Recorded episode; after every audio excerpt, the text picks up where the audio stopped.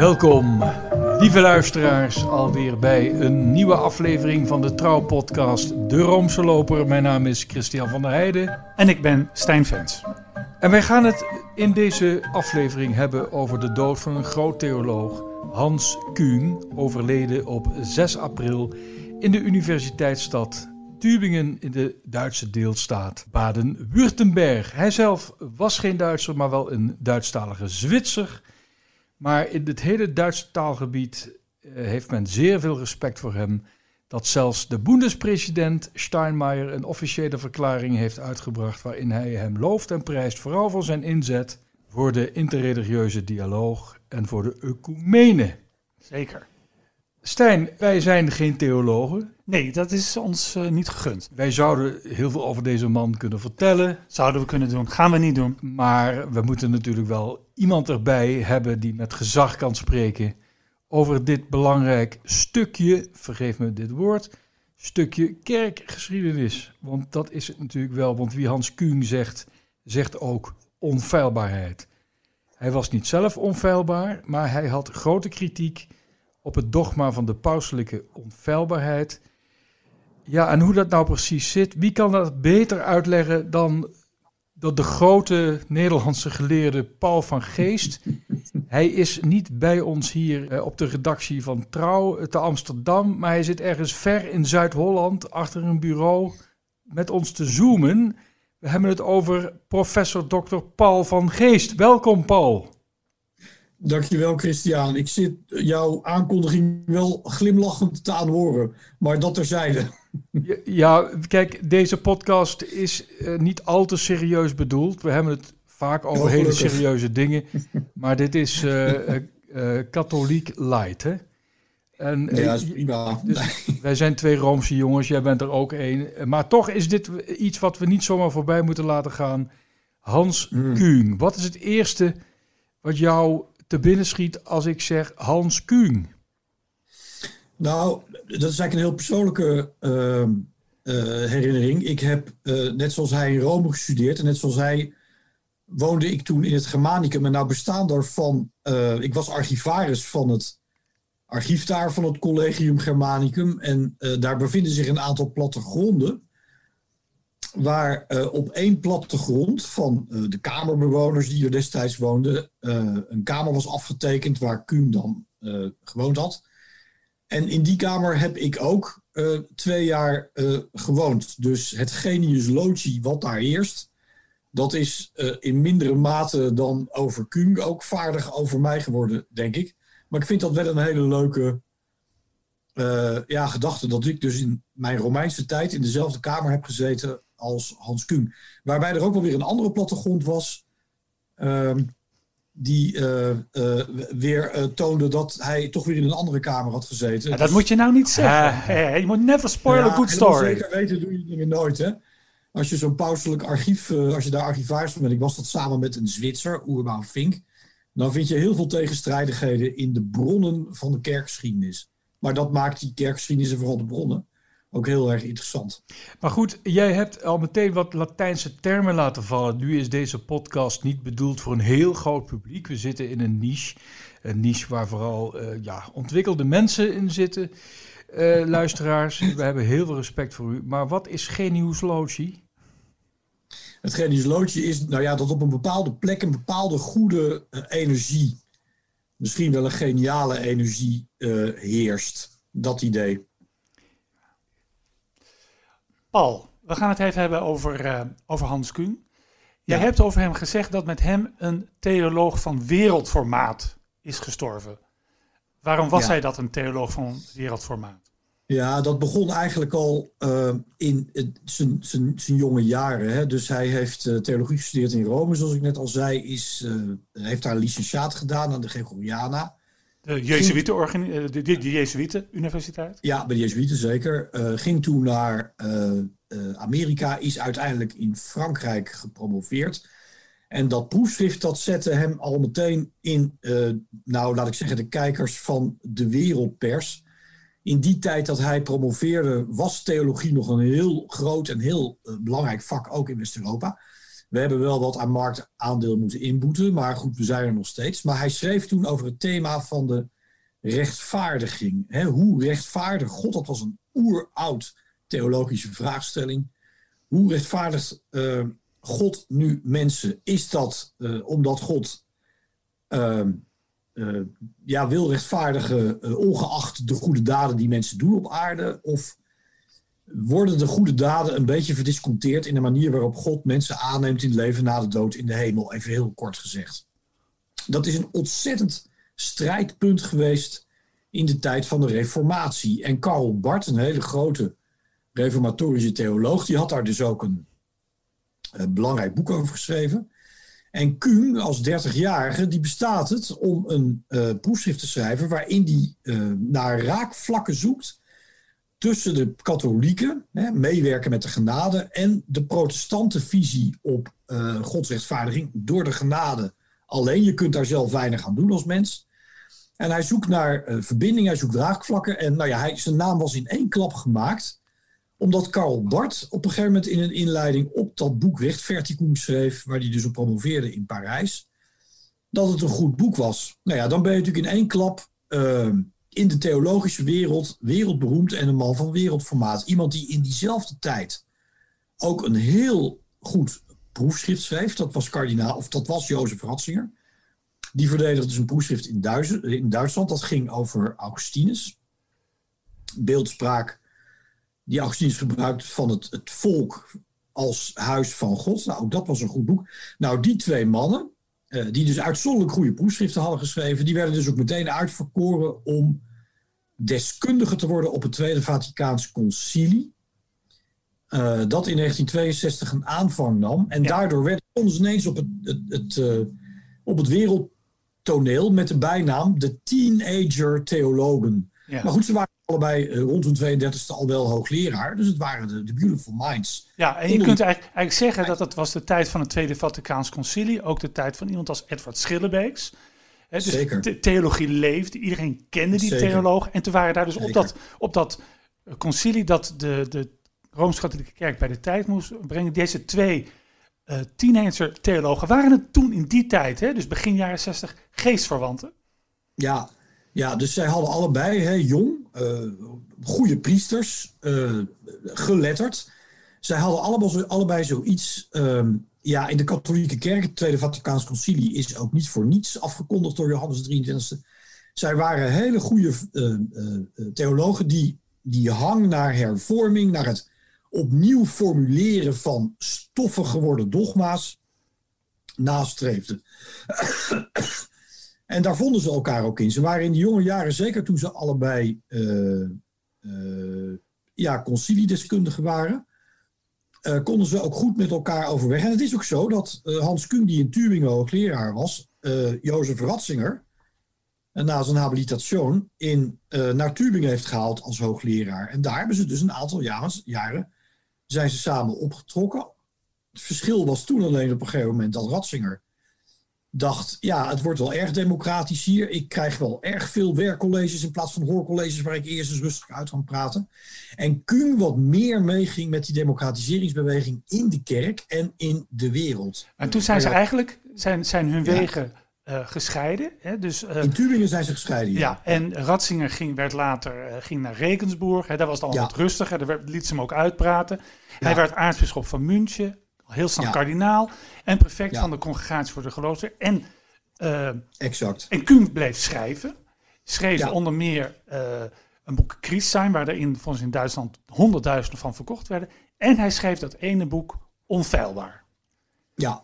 ja. Hè? Waar, waar, wat was nou de kern van zijn, uh, van zijn betoog in dat boek? Want dat heeft hem heel veel ellende opgeleverd uiteindelijk. Ja, ja dat heeft hij ook gezegd. Dus de, dat staat ook ergens in zijn memoires, dat de vier maanden dat hij uh, ja, in feite zijn, uh, moest afwachten of hij zijn leerbevoegdheid mocht uh, behouden in Tübingen.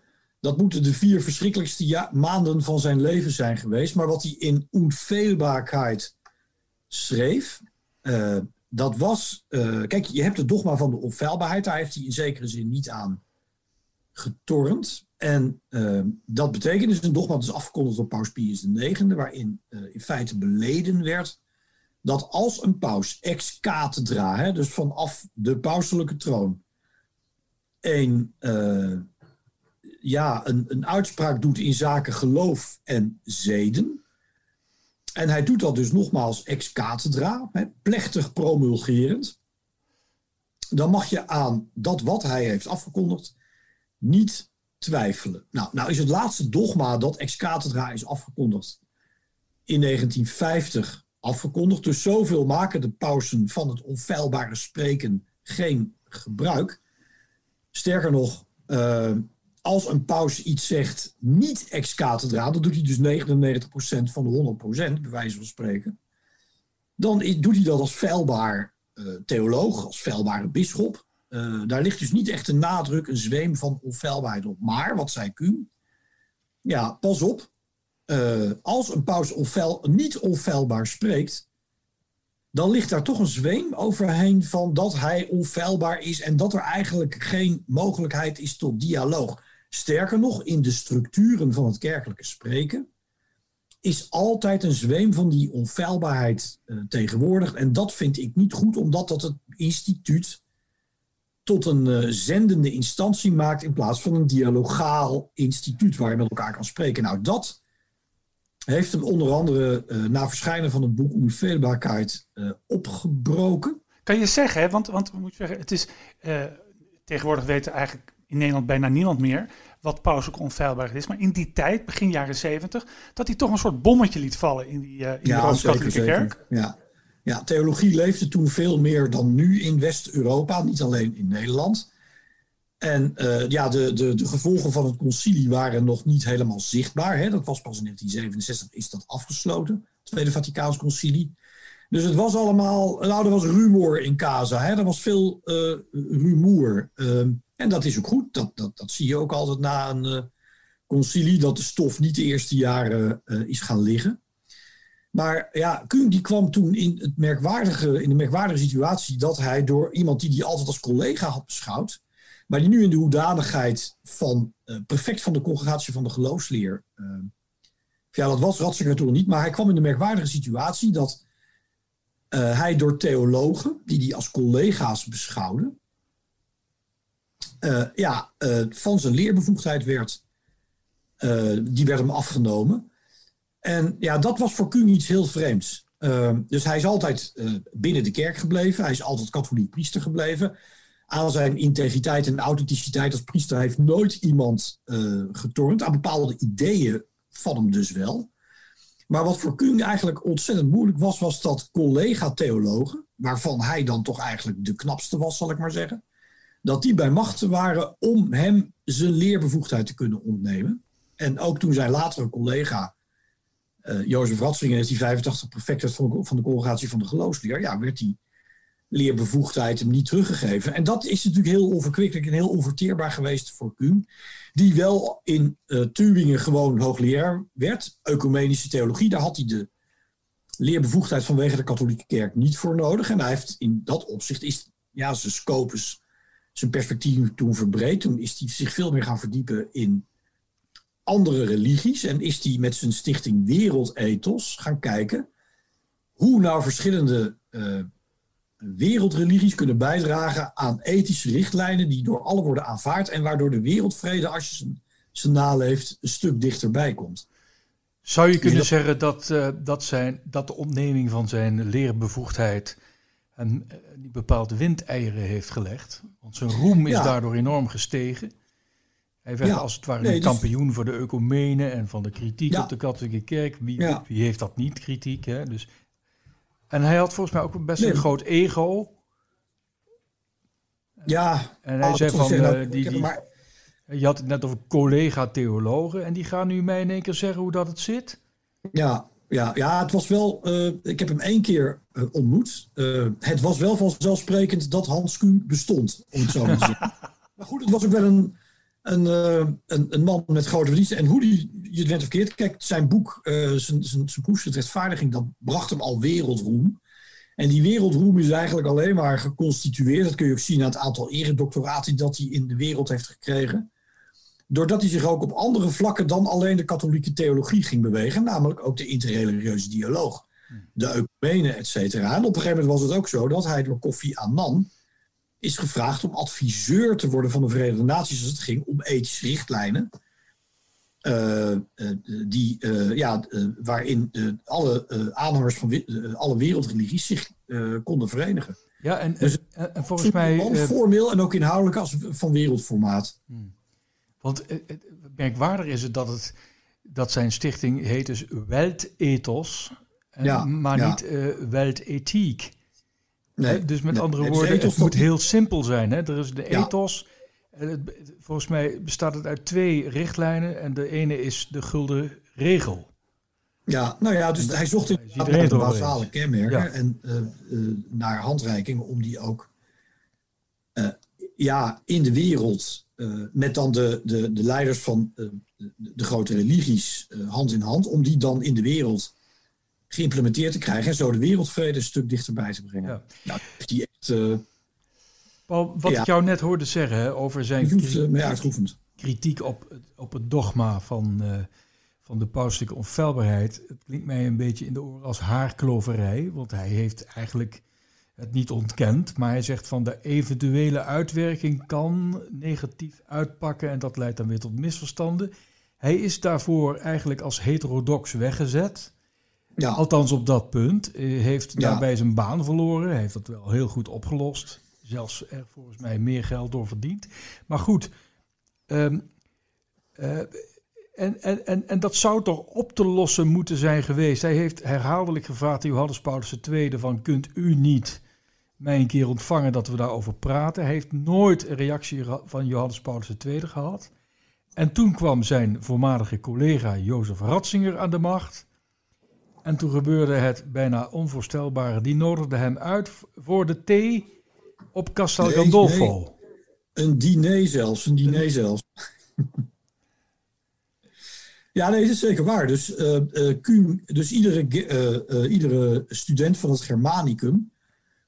die wordt geacht om één keer in de zoveel tijd een cv in te sturen... waarbij dan de andere Germanicus, als dat gepubliceerd is in de catalogus... zoals dat dan heet, kan zien uh, ja, wat hij gedaan heeft en zo. En in de catalogus, uh, Hans Kuhn was heel trouw in het insturen van zijn uh, gegevens, van zijn levensfeiten. En je ziet op een gegeven moment in de catalogus ook, na 2005, dat hij vermeldt dat hij ehm, een gesprek heeft gehad met ja, de toenmalige paus Benedictus XVI. Dus daar is hij op een of andere manier best trots op geweest. Waar het gesprek over gegaan is, zal zeker niet over de rechtvaardiging zijn gegaan. Of de rechtvaardiging of over uh, het dogma van de onfeilbaarheid. Want het was een diner, dus dan hou je het wel leuk. Maar ik denk dat ze zeker hebben gesproken de manier waarop wereldreligies kunnen bijdragen aan het ontwikkelen van een wereldethos. En vlak na dat gesprek heeft Hans Kuhn van zijn vorige collega dan zijn paus.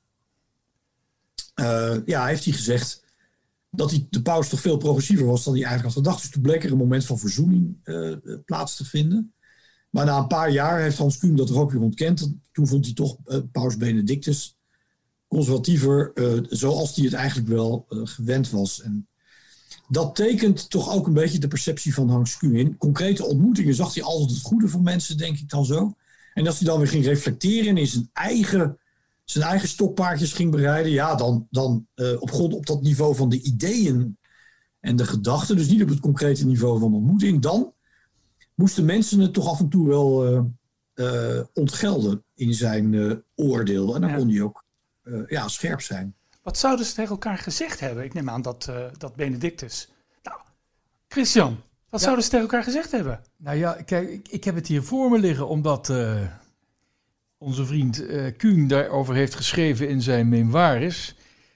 deel 3 daarvan, verschenen al in 2013 bij ten Haven in vertaling door Levende Menselijkheid. En ja, daar gaat het. Ze hebben van tevoren met elkaar afgesproken, laten we het niet hebben over onze disputen. Maar laten we het over common ground hebben, namelijk de wereld, het wereldethos. Maar ook hoe kunnen we eh, de geloofwaardigheid van het christelijk geloof uh, versterken in de wetenschappelijke wereld. En toen hamerde Kuhn er nog op dat wanneer je het over bijvoorbeeld evolutie hebt, dat je dan niet meteen met een uh, theologische hypothese aan moet komen zetten. Je moet eerst uitgaan van de feiten. Nou, daar was uh, Ratzinger het mee eens. Ze hebben daarna een gemeenschappelijk communiqué uit laten brengen. Dat is trouwens wel grappig, omdat de paus stelde voor, nou, wij, wij, wij, maken wel, wel wat, ho, zegt uh, Kung. Maar dan wil ik niet dat je dat laat doen door uh, persvoorlichter jo uh, Joaquin Navarro Vals. die was van, van uh, Opus Dei. Die mag er zich niet, niet mee bemoeien. En dan schrijft Kung wat de paus en de secretaris begripvol en lachend bevestigen.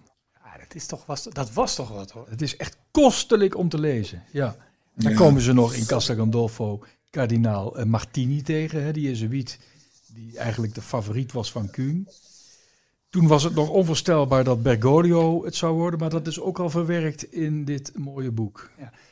Hij was volgens mij uh, veel meer te spreken over Paus Franciscus. Dat was toch een beetje een paus naar zijn hart, volgens mij. Paul? Ja, dat denk ik wel. Dat denk ik wel. Dat heeft te maken met twee dingen. Eén, hij kende Ratzinger natuurlijk als collega en beter persoonlijk ook dan uh, kardinaal Bergoglio. En twee, ja, uh, de paus liet natuurlijk toch een heel andere wind door de kerk waaien dan uh, zijn voorganger. Hij ging concreet naar mensen toe die kwetsbaar waren, die marginaal waren, die in, mensen waren verloren op, op zee. En liet daar de menselijke kant van het menselijke gezicht van de kerk veel meer zien dan zijn voorganger in de gedachten van Kuhn omdat hij toch meer de behoefte voelde om nog eens rustig uiteen te zetten uh, wie Christus eigenlijk was. Daar heeft hij drie mooie boeken over geschreven.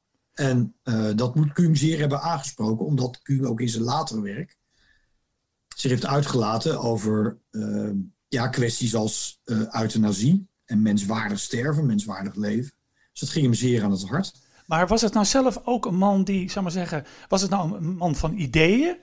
Of was het ook iemand die dacht, nou, ik ga eens een jaar in het sloppenwerk uh, werken om daar in de rotzooi op te rijden? Ja, hij is altijd hoogleraar in de Tübingen geweest. Het is niet zo, dat zou je misschien verbazen, maar dat hij uh, een, een, een, grote affiniteit had met de bevrijdingstheologie. Kardinaal Müller, uh, Gerhard Ludwig Müller, later ook prefect van de congregatie van de geloofsleer, die had veel meer vertrouwdheid met de bevrijdingstheologie dan Hans Kuhn.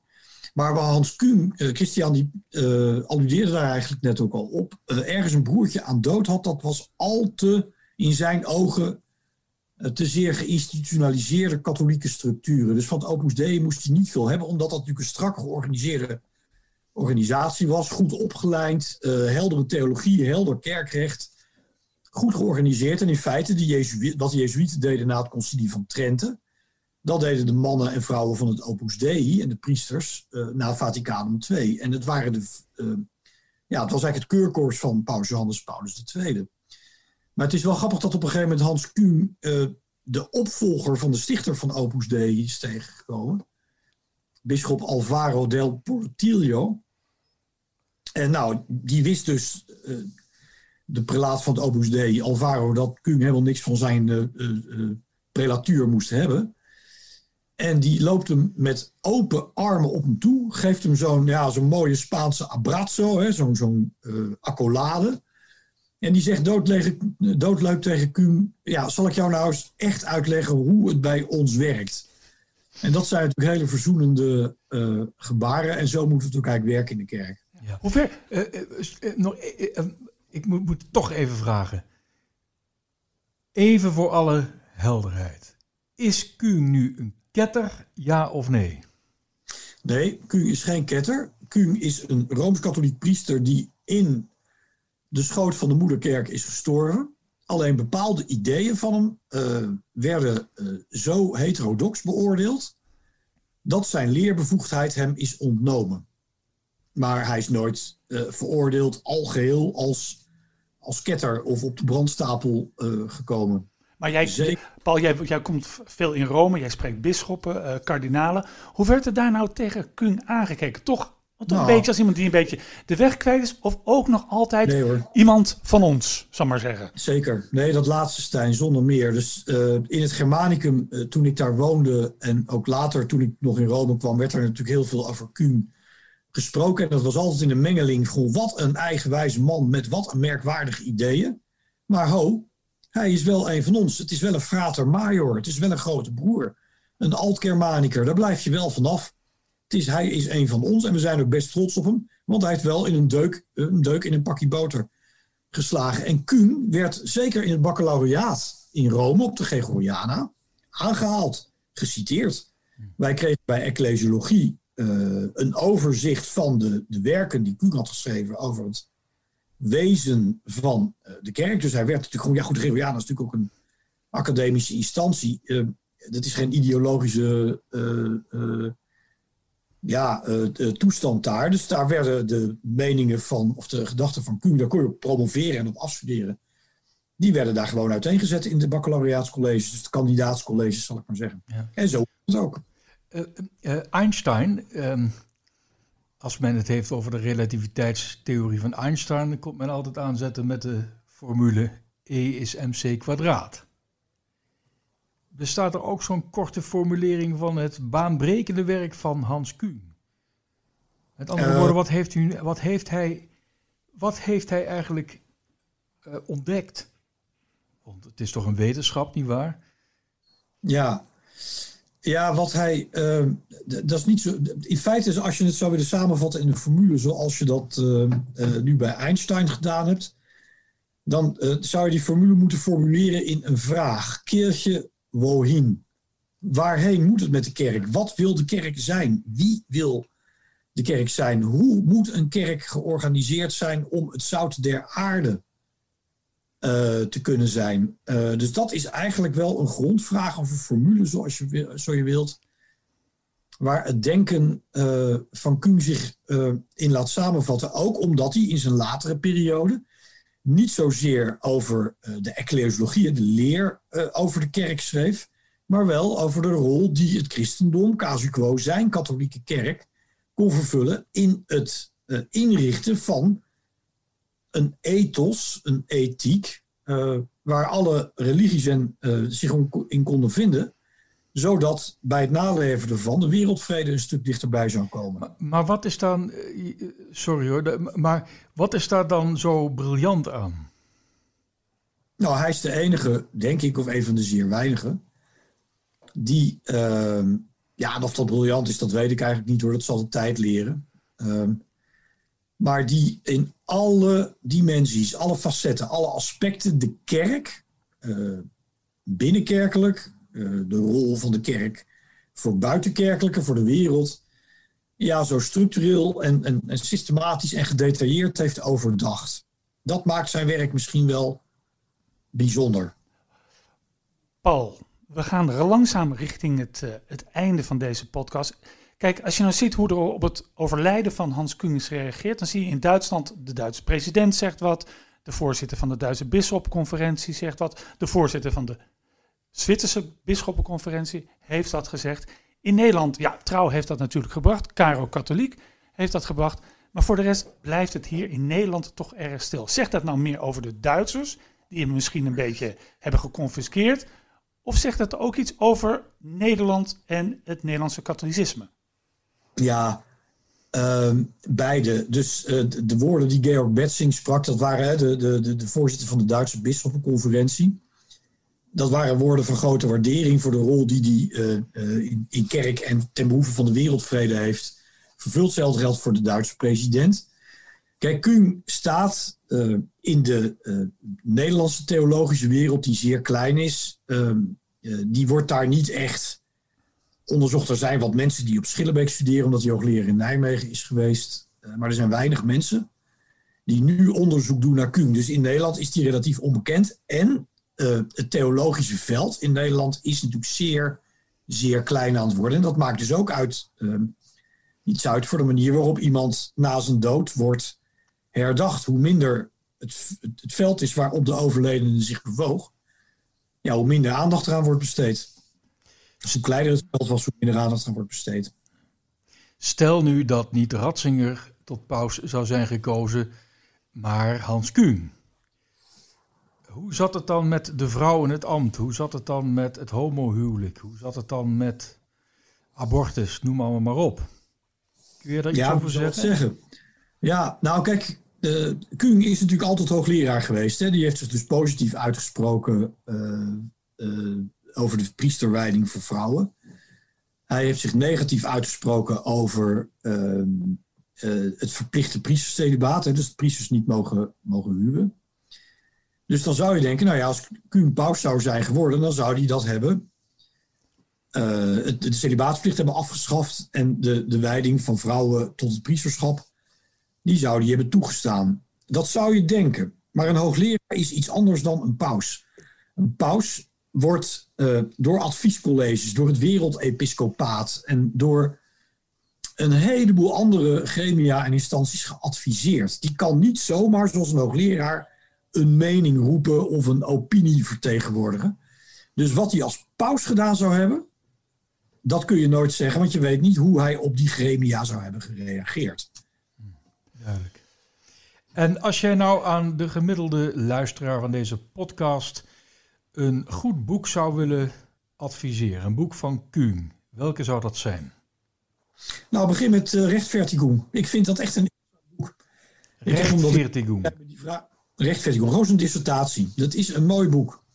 Waarin die dus uh, de, het begrip van rechtvaardiging van, zoals uh, Karl Barth dat heeft ontwikkeld op basis van zijn studie van de reformatorische bronnen, dat hij, eh, daarin zoekt hij naar raakvlakken uh, met uh, de manier waarop katholieke theologen over die rechtvaardiging hebben geschreven. En ja, dat soort verzoeningspogingen of zoeken naar raakvlakken en openingen, dat typeert Kuhn. En dat, ja, het is ook niet zo'n dik boek, dat scheelt dan ook weer. Uh, ja, dat, dat, dat, dat brengt hij daar al, hè, dan is het een dertiger. Het brengt hij tot uiting. Nou, dat is natuurlijk heel goed. Paul, heel veel dank voor jouw prachtige bijdrage. En we hebben toch een klein monumentje opgericht voor Hans Kung. Laten we zeggen dat hij mogen rusten in vrede. Luisteraars, dit was De Roomse Loper. Bedankt voor het luisteren. En tot de volgende keer. Duh.